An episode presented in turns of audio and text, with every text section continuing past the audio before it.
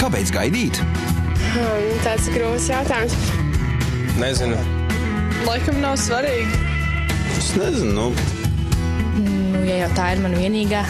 Raidījums Kāpēc gaidīt? Esiet sveicināti, mīļie radio klausītāji. Ar jums kopā raidījums Kāpēc gaidīt? Un studijā esmu es, Dainis. Um, jāteic, ka šis ir uh, raidījums uh, tiešraidē, uh, bet vasarā uh, jums būs iespēja dzirdēt uh, atkārtojums tiem raidījumiem, kas ir skanējuši šajā laikā. Un šodien arī vēlētos runāt par, par tēmu, kas ir saistīta ar to, vai īsti mīlestība gaida vēsts, varbūt šodien vairs nav aktuāli un novecojis. Jo redziet, pirms simts gadiem bija viena kultūra un sapratne par tēmu un šķīstību. Pirms 20 gadiem bija cita, bet tagad jau ir pavisam cita. Un nedaudz vēlētos runāt arī par šo tēmu. Ja pirms desmit gadiem par problēmu uzskatīja jaunietis un tīnis katru dienu pavada trīs stundas pie televizora vai datora, tad, nu, tad tas jau likās, ka ir daudz. Taču ir izpētīts, ka šobrīd, pateicoties mobīliem telefoniem, iPadiem un citiem gadgetiem, tīnis pavada vidēji 7 līdz 9 stundas dienā patērējot dažādus sociālus mēdījus, pat ieejot tajā simts reizus. Tāda sociālajā mēdī, dažādas mājaslapas, kur var skatīties, vai pat tie nav mājaslapas tīkli, tādas vietnes, kurās var uztaisīt savu profilu, ielikt savus bildes, komentēt, komentēt citu bildes, skatīties video un, un, un mainīties ar informāciju daudz dažādas lietas. Tāda, tāda komunikācija virtuālajā vidē caur internetu. Un līdz ar to 7 līdz 9 stundas dienā var pavadīt jaunietis pie uh, sociālos tīklos. Tas nozīmē, ka uh, tas, kas ir uh, šajos sociālos tīklos, tā informācija, tās vērtības, kas tur uh, ir, tās ietekmē. Tās ietekmē, un nedaudz arī runāsim, uh, kāda ietekme tas atstāja, un kāpēc bieži vien ir ļoti grūti um, izveidot ar mūsdienu jauniešiem uh, kontaktu, uh, runāt par attiecībām, runāt par laulību, runāt par par arī vēl vairāk par šķīstību un citām lietām. Um, nesen uh, Latvijas sabiedrisko mēdīju mājaslapā bija uh, raksts, uh, kurā teiks, ka jaunākie aptaujā parādās, ka vecumā līdz 3 gadiem jau 73% bērnu ikdienā lieto dažādas ekrāna ierīces tad līdz trīs gadiem jau 73% bērnu lieto ikdienā katru dienu. Un tas nozīmē, ka jau no, jo no mazām kājām vecākiem liekas, ka viņi eh, māca bērnus vai skolotāji, bet, bet patiesībā uh, tur ir citas vērtības, kas var iet pilnīgi pret vecāku izvēlētiem. Um, psihologi un mediķi ir sākuši celt trauksmi par nepieciešamību ekrāna laika ierobežot, jo, ja ekrāna tiek rādīta bērniem jau pirmajos dzīves gados, vai ekrāna laika bērna dzīvē ir pārāk daudz, tas var negatīvi ietekmēt bērnu fizisko, emocionālo un sociālo attīstību. Tad, tad tur ir dažādas veidu un ietekmes, ka bērns gan fiziski, gan emocionāli, gan sociāli neattīstās.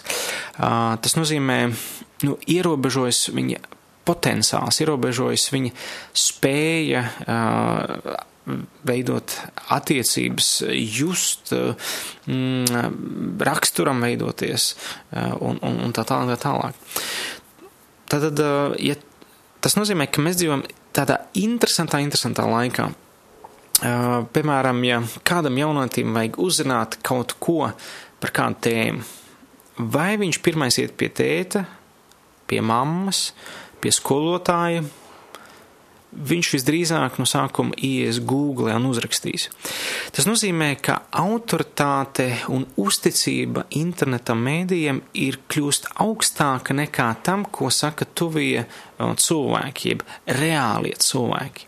Tātad virtuālajā vidē mm, liktā informācija ir, ir daudziem šiem bērniem, jauniešiem, kas ir izauguši, to sauc arī par Z paudzi, ir, ir daudz ticamāka, jo tajā viņi pavada laiku, tā ir viņu ierastā bieži vien vide, diemžēl.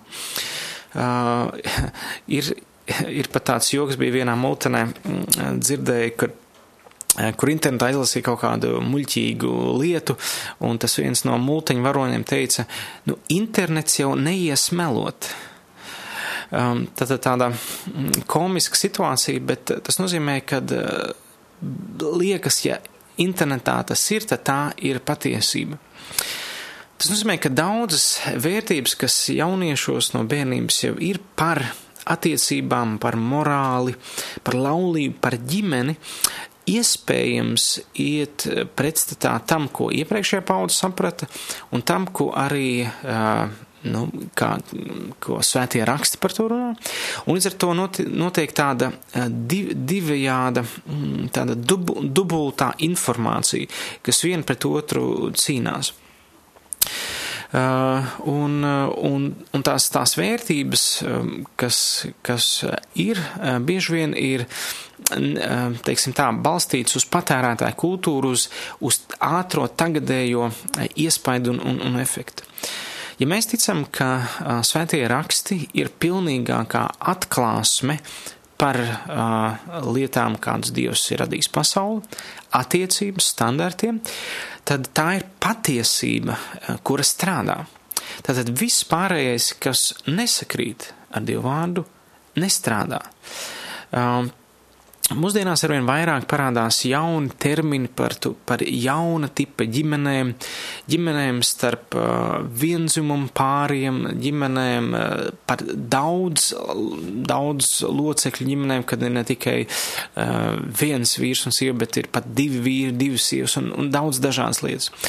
Un, un mēģinām pateikt, ka uh, tas ir tas, uz ko mums teikt jāiet, mums ir jātīstās, sakot, ka tas vecais vairs nestrādā un tā tālāk, uh, bet, bet Bet patiesībā, padomāsim, tas ir apmēram pēdējo 50, 60, varbūt 70 gadu laikā radušās idejas, kuras sabiedrībā ir iegājušas. Bet tās tradicionālās idejas ir bijis tūkstošiem gadu laikā strādājušas. Tradicionāla ģimene, vīrietis, sieviete. Un kāpēc pēkšņi to, kas vairākus tūkstošus gadus ir strādājis, mēs tagad uh, iemainīsim uh, pret to, kas vēl nav izpētīts, jo paudze uh, tikai mainās un paudzes mm, vēl nav izpētīts, kā ir dzīvot tādās hibrīd ģimenēs, mm, ko ko varētu teikt vienkārši par eh, nepilnīgām ģimenēm, jeb ģimenēm, kas nav, kuras nav paredzētas tādām būt eh, saskaņā ar svētiem rakstiem.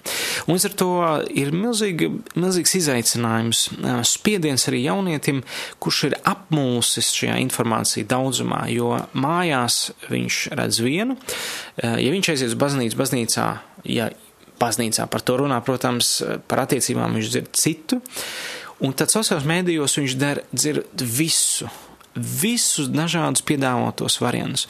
Un ar to mums jāsaprot, ka uh, mēs, mēs kļūstam samulsuši, apmulsuši, kā tad ir pareizi. Un balstoties uz to mums rodas šaubas, vai tiešām, piemēram, tas, ko runā īsta mīlestība gaida, ka intīmas attiecības ir tikai laulībā, mēs sākam apšaubīt, vai tiešām tas uh, ir tas īstais un vienīgais ceļš, vai nav cita, cita ceļa.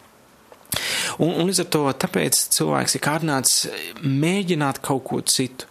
Um, bet, nu, protams, ir, tur varētu daudz runāt, um, bet, uh, bet gribētu runāt par, par, par šo problēmu, kas ir mūsdienu jaunajā paudzē. Paudzē, kas ir izaugusi pie ekrāna ierīcēm. Tad, vecākiem uzreiz varbūt rodas kārdinājums, ja mans bērns vai jaunietis tik daudz pavada laiku pie, mm, pie ekrāna, nu, vai tad eh, varbūt, ka vienkārši, nu, teiksim, noņemt nost viņam tās ierīces, atdalīt viņu no tām ierīcēm. Un interesanti, ka ir daudz, ir, ir kādi jaunieši pat teikuši, eh, intervijās, kad es labāk esmu gatavs eh, nedēļu nēst, nekā atteikties no savu telefonu. Eh, tas nozīmē, ka viņi ir pilnībā sakļāvuši savu identitāti, savu būtību ar sociālajiem mēdījiem, ar pasauli, kas ir virtuāli, kurā uh, viņi liekas, viņi ir tie īstie un reālie.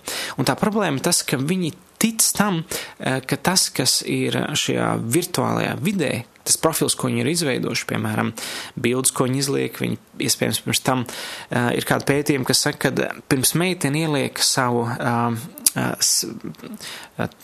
selfija bildi, jeb pašportreti, jeb sevis, nof sevis nofotografēto bildi, viņa izvēlas vienu no simts. Viņa daudzas reizes sev nofotografē un izvēlas vienu, kas liekas vislabākais. Tātad ikdienā mēs, protams, nevaram tikai parādīt to labāko. Mēs esam kādi mēs esam, dažādās situācijās, dažādās mīmikās, bet internetā mēs varam ielikt, liekas, to izlasīt, to, to labāko, kas Un, un, un līdz ar to um, jaunietis notic tam, ka tas, kā tur viņš ir, tas ir tas īstais viņš. Un līdz ar to uh, jaunietis tiek kārdināts uh, vairāk rūpēties par to virtuālo tēlu, jo tur ir visi viņa draugi, tur ir visi viņa paziņas, tur ir visi viņa rēdus, komentē, uh, nekā reālajā dzīvē. Un līdz ar to kārdinājums aiziet prom no dabiskās, reālās vidas. Uh, un, un, un līdz ar to ir, da, rodas vairākas problēmas. Kas liecina, ka bērns ir pārāk ilgi pie ekrāna? Kas ir tādi, nu, tādas sekas tam, ka bērns ir izaudzis pie ekrāna, pa daudz pavadījis laiku? Um, jā, Latvijas sabiedriskā mēdījos um, bija raksts pazīmes, kas liecina, ka bērns pie ekrāna pavada pārāk ilgu laiku, un, un tur atbilda centra dārdedze, psiholoģa Daina Dziļuma, viņi iesaka izvērtēt šādas ieradumus, un varbūt te ir iespēja vecākiem pārdomāt, novērot, un pašiem arī jauniešiem, vai viņi neierauga kādas no šīm lietām uh, savā dzīvē, ja viņi patērē uh, sociālos mēdījus, jo kādas no šīm lietām, protams, var citu iemeslu dēļ būt uh, bērnu vai jauniešu vai tīņu dzīvē, bet dažas no lietām ir kas liecina, ka varbūt ir par daudz pavadīta dzīve pie ekrāna, pie sociālajiem mēdījiem. Tad attiecībās un emocijās bērns vairāk vēlas pavadīt laiku ekrānos nekā pavadīt laiku ar ģimeni vai draugiem. Ja? Tad parādās šī tendence ekrāns vairāk nekā eh, reāls dabīgas attiecības. Eh, bērnam ir grūti sadraudzēties ar citiem un draudzību uzturēt. Tad, tad viņš kļūst par tādu vienpati, vientuli, kaut gan eh, pie, pie ekrāna diezgan daudz mm, pavadlaiku. Pienākot ekrāna laika beigām, bērns izrāda izteiktas dusmas, ka tagad ir jāizslēdz vai jāpārtrauc. Tas nozīmē, tiek paņemts kaut kas viņam ļoti, ļoti dārgs. Tad tas ir kļūst par kaut kādu dārgu, pat varētu teikt, dzīves centru. Kopš brīža, kad bērns sāk lietot šīs viedtālruņus, viņš ir kļūst nesavaldīgāks un agresīvāks, Uh, bieži veidojas konflikts situācijas ar vienaudžiem, bērnam trūkst empātijas un viņš neizrāda rūpes par citiem. Tad, kas ir tā bīstamība uh, dzīvot tādā sociālā vidē? Uh, tur tiek meklēts ātrais atvieglojums, ātrā, ātrā iepriece, labā sajūta.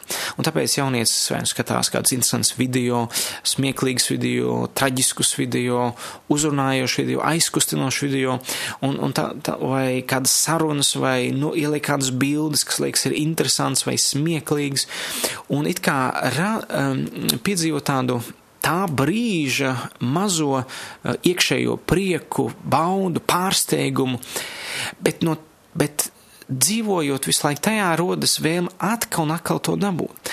Un līdz ar to vairāk tiek pavadīts laiks uh, bieži vien meklējot kārtējo prieka uh, devu, pie ekrāna, nevis dabīgā dzīvē. Un, un līdz ar to var nocietināties līdzjūtība pie, rea, pie reāliem cilvēkiem, bet attīstās tāda nu, vēlme komunicēt tikai caur, caur ekrānu. Un ar to komunikāciju šādam bērnam ir grūti uzsākt sarunas vai piedalīties sarunās. Vārdi, frāzes ir īsas, saraustītas, jo tā, kad jaunieci raksta internetā, viņš raksta īsi, saīsinājumos ar, ar, ar dažādiem simboliem, seiņām, smaidiņiem, īkšķīšiem un, un dažādām tādām ikonām. Bērns regulāri pārpūt neverbālos signālus. Tad var, var pārprast, kā uz viņu paskatās vai, vai kā viņu runā. Bērns dod priekšroku izziņām situācijās, kurā iespējama reāla saruna. Ja tad, tad bērns labāk nevis pazvanīs, bet aizsūtīs īziņu. Labi, tas varbūt ne, neliecina, ka viņš ir pa daudz piekrām, bet, bet tas parāda, kad vie, iet vieglāko ceļu. Mani neredz, es varu pārdomāt, es varu uzrakstīt, un no vienas puses liekas tas tā labi. Bet tajā laikā tā problēma ir tas, ka nākotnē būs reāls attiecības, ir laulība, ģimene, bērni. Uh, iedomājieties, bērni, uh, cilvēks, kurš visu dzīvi iemācījies caur īziņām kontaktēties, tad, nu, kā tad var laulību dzīvē reāli sadzīvot? Uh, jaunieks, kas to nezina un neredz, viņš, protams, varbūt um, nav redzējis ģimenē, kā komunicē tēvs ar, ar, ar māti, uh, bet, bet pēc būtības tas ir traucē veidot tuvas attiecības, kur notiek emocionālā pieķeršanās. Un tur, kur ir dziļa emocionālā pieķeršanās, tur var runāt par stiprām attiecībām.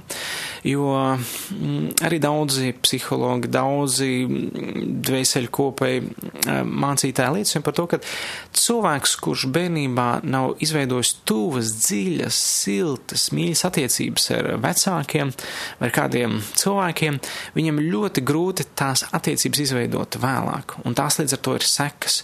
Un līdz ar to uh, internets nemāca piedzīvot šīs dziļās tuvās attiecības, kuras šis kopīgais piedzīvojums, bet uh, viss notiek tā ir virtuāli, ātri, no viena pie otra, no viena pie otra, pie trešā ir profilās 300 draugu, bet realitātē ar nevienu īsti sarunas bieži vien nesanāk.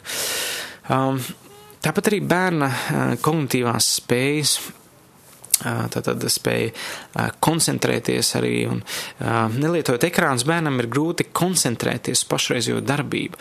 Tad viņš nu, nespēja ilgi palikt uzmanības centrā, teiksim, stunda skolā 40 minūtes, un grūti ir koncentrēties, īpaši, ir, ja tikai skolotāji runā, ja nav nekāds vizuālais materiāls, tad ir, ir šādiem bērniem ļoti grūti koncentrēties. Viņu smadzenes jau ir pieraduši, viss ir ātri, jābūt interesanti, un līdz ar to rodas uh, problēmas klausīties, un tas arī, protams, ietekmē nākotnes attiecības. Uh, skolā pasliktinās sekmes, tiek kavēta vai neapmeklēta pat skola. Bērns lielākoties runā un domā tikai par digitālām aktivitātēm. Fiziskās sekas var būt tādas, ka bērns izvairās no sporta un spēlēm ārā, um, bailes no kļūdām, bailes no neveiksmēm, vai vienkārši nav interesanti. Uh, bērns maz guļ, naktī var pat bieži mosties, redz sliktus sapņus, izveidojuši liekās svara problēmas. Un, protams, ka daudz pazīmes var būt pilnīgi citi iemesli, ka tas nav tāpēc, ka viņš ir sēž pie ekrāniem, bet tomēr kopumā skatoties ir jābūt nu, uzmanīgiem, domājot par šīm lietām. Līdz ar to nu, jā, jā, jātur aizdomās, ja var sākt pamanīt lietas. Un, un līdz ar to vecākam var rasties šis kārdinājums, tad es viņam jums vispār nost, vispār nedošu lietot un tā tālāk. Un, bet bieži vien var būt tā, kad vecāks tā domājot, ierauga skabargu bērnu jauniešu acī un ierauga baļķi savā acī.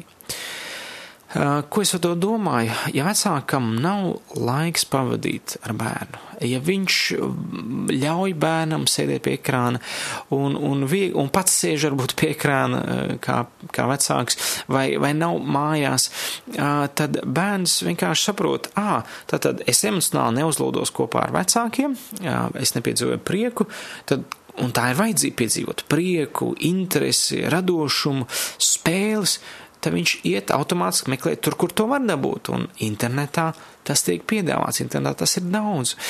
Līdz ar to te jāskatās, vai vecāki pilda savu pienākumu pret bērnu. Uh, un tas ar to pirmkārt jāsāk nevis vainot bērnu, nevis vainot ekrānus vai vietāluņus, bet vainot pašiem sevi, meklēt, ko viņš uh, pats vecāks var darīt. Um, neiroloģi Sandra Vestermane norāda, ka bērns pirmajos dzīves gados iemācās tikai to, ko pats pieredz realitātē.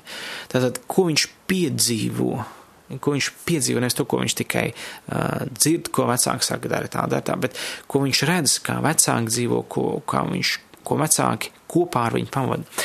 Un vecumā līdz trīs gadiem bērna smadzenēs visintensīvāk attīstās uztveres, valodas, kustību prasmes, kā arī stresa apstrādes, sevis nomierināšanas, impulsu kontrols un empātijas spējas. Ja tad līdz trīs gadiem viss šīs lietas attīstās, tas nozīmē, ka bērns iemācās lietas, kas viņu nomierina, kā sevi kontrolēt, spēja izjust, un ja viņam tas viss notiek tikai virtuālajā vidē, nevis dabīgajā dzīvē, tad, tad, tad var trau, būt traucēts vai nepilnīgi viņa spēja, teiksim, atrast mierinājumu attiecībās pie cilvēkiem, dar, reālā darbībā. Savukārt, apmēram 4-5 gadu vecumā galvenā apgūstamā prasme ir miedarbība ar citiem cilvēkiem, spēja pielāgoties sabiedrībai, dalīties un darboties komandā. Tad pie ekrāna parasti ir vienatnē. Ekrāna tu neveido tādas attiecības, kā tas ir reālajā dzīvē.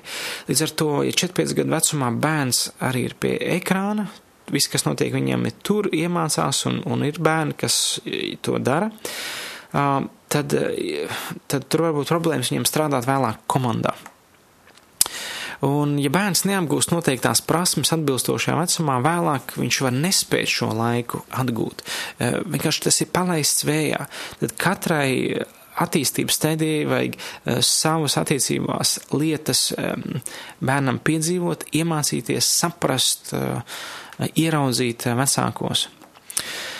Um, Līdz ar to, ja tas netiek darīts, bērna attīstības problēmas tiek novērotas vēlāk skolā, atklājas grūtības lasīt, rakstīt, noturēt uzmanību, kā arī sadarboties ar citiem bērniem. Uh, un līdz ar to, ja vecāki nav veltījuši bērn, bērniem uzmanību, ļauj būt šajā sociālajā vidē, un ir labi būt, bet tam jābūt ir ierobežotam laikam, jābūt ar konkrētām sarunām, pārunām, vēlāk runāsim ieteikums, uh, ko un kā darīt, tad, tad var nu, nonākt līdz brīdim, ka bērns vai jaunietis ir attīstījies par tādu, kurš nemāk veidot attiecības. Tātad tas nozīmē, ka uh, apsēž otru cilvēku, un viņš nemāk runāt, nemāk stāstīt savus sajūtas. Viņš ir iemācījies uztaisīt bildi, iepaustot, ielikt internetā, viņš ir iemācījies uzrakstīt kaut ko, viņam attīstījusies smadzenes komunicēt caur pirkstiem, caur pirkstiem. Ja? Bet, eh, bet, lai komunicētu dzīvē, ir vajadzīgs pastīties acīs, ir, ir, ir vajadzīgs um, at, būt atklātam, vajadzīgs uzmanību klausīties, un, un tas, tas viss var tikt traucēts un tiek traucēts. Un iedomājieties, ka tagad bērnam vecāki saka um, par lūkšanu un, un bībeles lasīšanu. Kā jums liekas, šāds bērns, kurš neredz dievu, kurš pieradz pie vizuāliem stimulatoriem jau no bērnības, eh, kuram iedod grāmatu, kur ir melns uz baltu, ļoti biezi, kur jāanalizē, kur bieži vien jādomā, tagad mācīties, tagad, nu, tagad mācies komunicēt ar Dievu. Būs ļoti, ļoti sarežģīti. Eh, arvien mazāk kristīgi jaunieši pavada laiku lūkšanās ne, nespēja nokoncentrēties, miega ciet, nespēja saņemties, kur vēl jaunieši pieaugušie to, to, to nevar. Tad kur nu vēl jaunieci? Un, un līdz ar to, kā ir iespējams bez dieva nodzīvot jēgpilnu dzīvi, kuru dievs ir paredzējis? Tas nav, tas nav iespējams. Līdz ar to te rodās daudzas problēmas, ko mēs sastopamies. Tad viens, kad jaunietis var veid, rast, um, kļūt par nemākošu veidot attiecības, otrs var kļūt seksuāli apmulsis, jo viņš sociālā vidē redz pilnīgi citu ainu uh, un vēstījumu par seksuālām attiecībām, un, un trūks šīs bibliskās patiesības bieži vien ieliktas konkrētas tēmas, ko uh, Dievs, ko patiesība uh, saka par intīmām attiecībām. Un Bībelē skaidri saka, ka intīmas attiecības ir Dieva radītas, tās ir brīnišķīgas, bet paredzētas tikai starp diviem cilvēkiem, kas savā starpā slēdz derību palikt uz dzīvi. Tātad mīlestībā slēgta derība, vienošanās par attiecībām, kalpot otram dzīves garumā, labos laikos, sliktos laikos, priekos, bēdās, nabadzībā, bagātībā. Un tad eh, šīs intīmas attiecības ir kā līme, kas palīdz šos cilvēkus salīmēt kopā, iepazīt viņu tīri fiziskā, emocionālā un garīgā arī līmenī. Tātad eh, ebreju valodā vecajā derībā lietots vārds jadā, kas nozīmē iepazīt otru caur intīmām attiecībām. Tad intīmas attiecības nav tikai baudai, tas patiesībā ir tu saplūst ar otru, tu iepazīsti, tev ir atklāsme par otru, kāda tev bez intīmām attiecībām par otru nav. Ja? Un ar to tas, lai būtu, lai būtu droši, ir, ir svarīga šī vienotības, sapratne, derības attiecības. Un līdz ar to jaunietis seksuāli apmūsis, ko darīt ar savu seksualitāti šajā laikmetā. Un, un līdz ar to tāpēc ir ļoti svarīgi viņam zināt, ko Dievs, ko Bībele saka, ka Bībele nav pret seksu, ka Dievs nav pret seksu, tieši otrādi ir pār seksu un Dievs pat pavēli, bet ir konkrētas robežās, kurās tas strādā strādā. Un citi varbūt varētu teikt, bet eh, vai tad mm, nav seksuālā uh, brīvība, vai tad tā var ierobežot seksu, vai tad nav, nav paredzēts, kad, nu, kad brīvas attiecības. Um, lai būtu, nav iespējams simtprocentīga brīvība visās lietās vienlaicīgi. Vienkārši tas nav iespējams. Teiksim, es, eh, ja es, piemēram, gribētu būt brīvs, piemēram, gleznošanā eh, vai mūzikas vai, teiksim, eh, klavierspēlē, man ir kaut kur jāierobežo sava brīvība un jātrenējas, lai sasniegtu līmeni, kad var tiešām uh, improvizēt uh, labā līmenī, muzikāli vai, vai mākslinieci vai tā tālāk. Uh, tas ir viens. Tas nozīmē, ja es gribu būt tiešām patiesi brīvs intīmas attiecībās, man vajag drošu vidi, kur es zinu, kad pēc tam par mani neizstāstīs, ne, nepublicēs internetā un tā tālāk. Tātad kaut kur man jā, būs jānovelk robežas, ar ko tad man ir kopā šī seksuālā brīvība, lai viņu varētu saukt par drošu brīvību, nevis pēc tam par pilnīgu uh, katastrofu. Jo, un, un līdz ar to brīvība seksuāli tiešām brīva ir laulība. Tur, kur ir otrs cilvēks, kas apsola, ka viņš neizklāstīs šo visai pasaulē, ir tas jūsu savstarpējais noslēpums, un tur šajā drošajā vidē var būt šī seksuālā brīvība. Bet pēc, ja tas nav, tad tad pārējais vairs nav brīvība, jo tur ienāk daudz ierobežojumu, dārga maksa, kas jāmaksā par šāda veida pēdiņā seksuālo brīvību. Tur ir jāmaksā ir tad ar bieži vien seksuālām slimībām, salauztām sirdīm, seksuālo, seksuālo izmantošanu, jo, ja tiešām brīvi te viens grib tā, un, un, un kāpēc, lai ierobežo manu, un bieži vien notiek seksuālā vardarbība, nevēlam grūtniecību, daudzas citas lietas, kas paņems prom brīvību.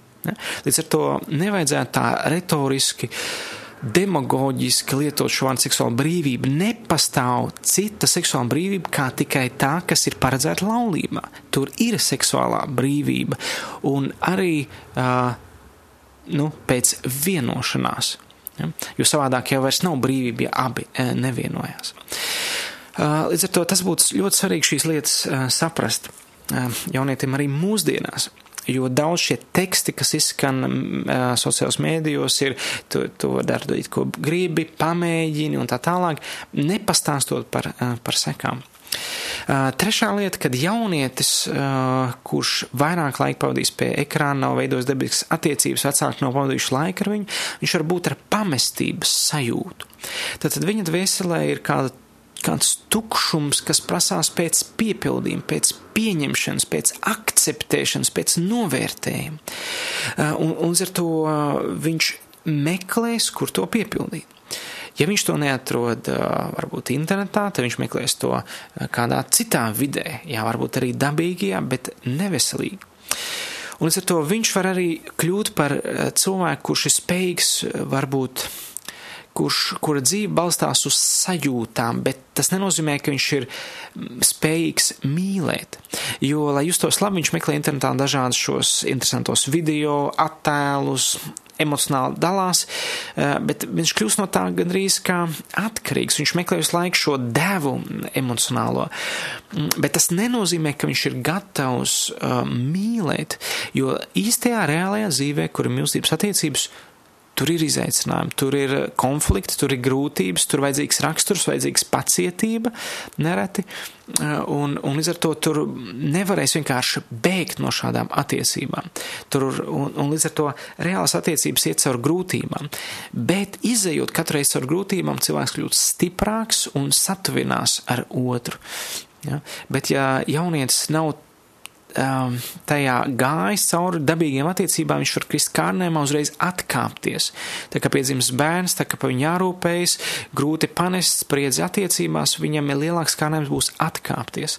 Tas ir to ļoti, ļoti svarīgi uh, tomēr palīdzēt jauniešiem runāt par šīm lietām. Um, Un pēdējie pētījumi arī atklāja, ka tīņi sociālos mēdījos meklē tūlītēju novērtējumu, seklu seksuālu raksturu kontaktus un čati attiecības iepratīm nopietnām dziļām attiecībām. Tātad vairāk ir tendence dabūt uzreiz novērtējumu, ka mani novērtē, es ielieku bildi, mani nolaiko, pa man kaut ko uzraksta vai apskatās. Seksuāli viegli kontakti, sarunas, attēli, video Un čats, čats tad rakstīt uh, viens otram internetā, bet, uh, vai caur telefonu izziņās, bet ne reāli gribēt nopietnas, dziļas attiecības. Un ar to šī iemesla dēļ tik ļoti grūti arī runāt ir patiesībā par vēstu īsti mīlestību gaidu, par laulību, par dzīvi mūža garumā eh, kopā ar otru cilvēku, par seksuālu šķīstību, atturību, lai piedzi, pēc tam piedzīvot patiesu seksuālu brīvību laulībā. Eh, tas izklausās kā no citas pasaules. Un līdz ar to, tāpēc, eh, tas viss ir kāds komplekss, komplekss, kurā ir iesaistīti pirmkārt vecāki, otrkārt um, arī draudzes, uh, ģimenes radinieki uh, un, un, un protam, arī, protams, arī uh, citas kustības. Piemēram, kā īsti mīlestība gaida. Taču ko tad jaunieši tīņi meklē šajos sociālajos mēdījos? Pirmkārt, pieņemšanu Tātad eh, pieņemšanu, un, un tā var būt vēlme pēc slavas, popularitātes, ja, cik man profilu apskatījuši, salīdzina citiem, piederību kādai konkrētai grupai un, un šo no, novērtē. Taču tā problēma ir tas, ka jaunietis notic tas, ka viņa profils ir tā īstā realitāte, jo tur viņš iegūst vairāk baudas, vairāk prieku nekā reālā dabīgajā vidē. Un tas nozīmē, ka viņa pašvērtējums un identitāte ir saistīta ar šo ārišķīgo, virtuāli ārišķīgo uh, profilu, jeb būtību. Taču tur ir ļoti, ļoti bīstamība tajā, kad pietiek vienam muļķim, uh, teiksim, nobildēt šo pašu jaunieti kādā neveiklā pozā, grimasē, nopublicē to internetā un tiek sašķaidīta šī bērna identitāte vai jauniešu identitāte un tēls. Līdz ar to viņam rodas milzīgi kompleks, un tur parādās visādi komentāri, izsmiekli no draugiem, un līdz ar to jaunietis noticot un paļaujoties uz šo virtuālo profilu, patiesībā var ar savā reālajā dzīvē tikt sagrauts un nospiests. Um, Vēl viena cita bīstamība ir tas, ka jaunieši ir aug vidē, kurā ir Liekas, ka jāpublicē viss, kas ir interesants, un, un, un daudzi, īpaši Amerikā jaunieši vai ārzemēs, nopublicē arī kādas savus kailfoto vai draugus, kādās ballītēs, kas bučojās vai puspliki vai pliki vai nedodies vēl ar kādās citās nodarbēs. Un ir ļoti liels kārdinājums, lai paskatītos manu profilu, manu ielikto bildi, nopublicēt to, kas ir slepeni, varbūt nobildēts savu vienaudzi šajā kailajā skatā. Liels kārdinājums ir uz to, bet ir divas milzīgas problēmas ar to. Pirmkārt, nopublicēt kādu cilvēku līdz 18 gadiem eh, kalifato nozīmē būt krimināli atbildīgam par bērnu pornogrāfijas izplatīšanu. Līdz ar to jaunietis var iekrist pat kriminālā atbildībā, kad viņš publicē šādu attēlu vai video. Tas viens otrs, kad tas cilvēks, kura bilde vai video tiek ielikts un kurš ir redzams kails, tas viņu aizvest līdz smagai depresijai eh, vai līdz pat uh, pašnāvībai. Un ar to šis jaunietis var kļūt līdzvainīgs otra cilvēka nāvē, jo visi draugi to redz, tie, kas ir skolā, klasē, kaimiņos, un ar to tur iesaistās jau milzīgs spiediens, un šis bērns var savā psihē, kas vēl 16, 17, 15, 14 gados nav nobriedusi, var ļoti, ļoti nespēja izturēt šo spriedzi. Un, uh, un līdz ar to Latvijā ir viens no augstākajiem pašnāvības um, skaitiem uh, Eiropā uh, jauniešu vidū. Līdz ar to ir, tā ir ļoti, ļoti nopietna lieta. Kādi ieteikumi, ieteikumi vecākiem un arī tiem, kas vada jauniešus vai strādā ar jauniešiem? Runāt ar jauniešiem par šo tēmu, atklāti ļaut runāt un, un, un un varētu teikt, vairāk veidot aktivitātes priekš viņiem, kas nav saistīts ar ekrāniem. Braukt kaut kur ārā, pie dabas, redzēt kādas lietas, interesantas lietas veidot, um, pat ieguldīt naudu, lai tikai būtu prom, prom no ekrāniem.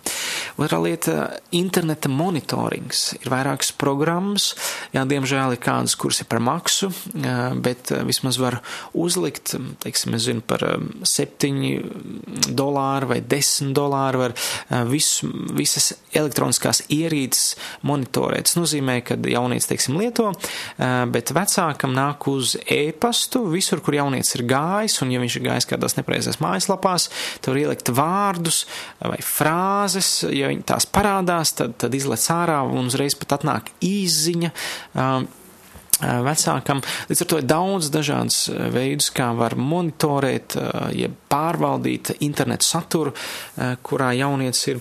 Runāt par īstām attiecībām, veltīt laiku jaunietim, pārunāt, ar kas ir sociālā vidē, kas ir reālā vidē. Uzņemt mājās bērna, jeb jauniešu draugus, veidot mājās pasākums, lai tādā veidā bērnam mudinātu viņu veidot šīs attiecības, sociālos kontaktus. Runāt arī par veselīgām, neveselīgām seksualitātes lietām, sekām, par, par, par bīstamību, par šo kriminālu atbildību, ja tiek kaut kas publicēts, vai ja ir kaut kādi teksti seksuāli, tad tā ir seksuāla emocionāla vardarbība, par ko arī var sūdzēties. Veidot dažādas izglītošas jauniešiem pasākums vai, vai nezinu, draudzē, skolā, varētu droši aicināt īsti milstiem gaida ar, ar lekcijām, esam atsaucīgi. Un, un, un arī runāt, runāt par šīm, šīm sekām, kad uh, piecas sfēras jaunietis pasargās, ja viņš būs brīvs no šīs seksuālās mm, attiecībām līdz laulībām. Tā ir, ir fiziskā, savu ķermeni viņš pasargās, savu uh, no nevēlām grūtniecībām, no slimībām, no uh, nevainības zaudēšanas, no, no viss, kas saistīts ar ķerm, ķermenisku ietekmi. Uh, otrs, protams, emocionālo sfēru, pasargā no kauna, jo milzīgs problēma ir ar kaunu mūsdienās. Jaunieši nezin, ko darīt ar kaunu, ko viņi piedzīvo, redzot kaut ko internetā, piedzīvojot. Uh, tāpat arī prātā uh, tiek pasargāti no, nevajadzīgas informācijas, no kārdinājumiem. Tāpat arī tiek pasargāt viņa attiecības nākotnes no nevajadzīgām, neveselīgām attiecībām. Protams, arī garīgā iekšējais cilvēks gars dvēseli radīt, lai būtu saskaņā ar Dieva likumiem, un ja jaunieci iet pret, tas, tas viņā rada iekšēju tukšumu. Un ar to es gribētu teikt, ka um, vajag jaunietim mācīt arī par, par Kristu, par to, ka ir kāds, kurš ir nācis uz šīs zemes, piedzīvojis kaunu, būdams kails piesis krustā, lai mūsu kauns tiktu apklāts, Un, un jaunietim jāzina, ka ir Jēzus Kristus nācis uz šīs zemes, lai apklātu viņu kaunu, lai paņemtu to projām. Ir Jēzus ir nomirs par mūsu kļūdām, mūsu kaunu lai mēs tiktu ietērpti viņa svētumā, viņa pilnībā, viņa uh, mīlestībā. Uz ar to jaunietim jāstāsta, ja tev ir kauns, ja tu kaut ko esi darījis nepareizi, nāc pie Jēzus, lūdz, lai Jēzus tev paņem prom šo kaunu, apklāj to, piedod visu nepareizo, un lai viņš iedraudzējas ar Jēzu, un lai svētais gars vada šo jaunietu tālāk. Un tas ir mans novēlējums šajā raidījumā, lai vecāki rūpēties par saviem bērniem, rūpēties par saviem jauniešiem, jo jūs par viņiem atbildat Dievu priekšā, jums viņi ir uzticēti. Zato es iedrošinu jūs meklēt, lūgt, dot, runāties, bet būt kopā ar saviem jauniešiem un neļaut pa daudz būt viņiem atkarīgiem no ekrāna uh, ierīcēm. Šis bija rēdījums, kāpēc gaidīt. Ar jums bija kopā studijā Dainis un uh, jums, lai ir Dieva svētība un uh, cerams, ka tiksimies atkal tiešraidē septembrī, ja Dievs mums to atļaus. Uz redzēšanos! Šis bija raidījums Kāpēc gaidīt? Klausies to katru otrdienu, pulksten 18,5 minūtēs Latvijas kristīgā radio ēterā vai arī jebkurā te vērtā laikā internetā www.īsta mīlestība gaida LV.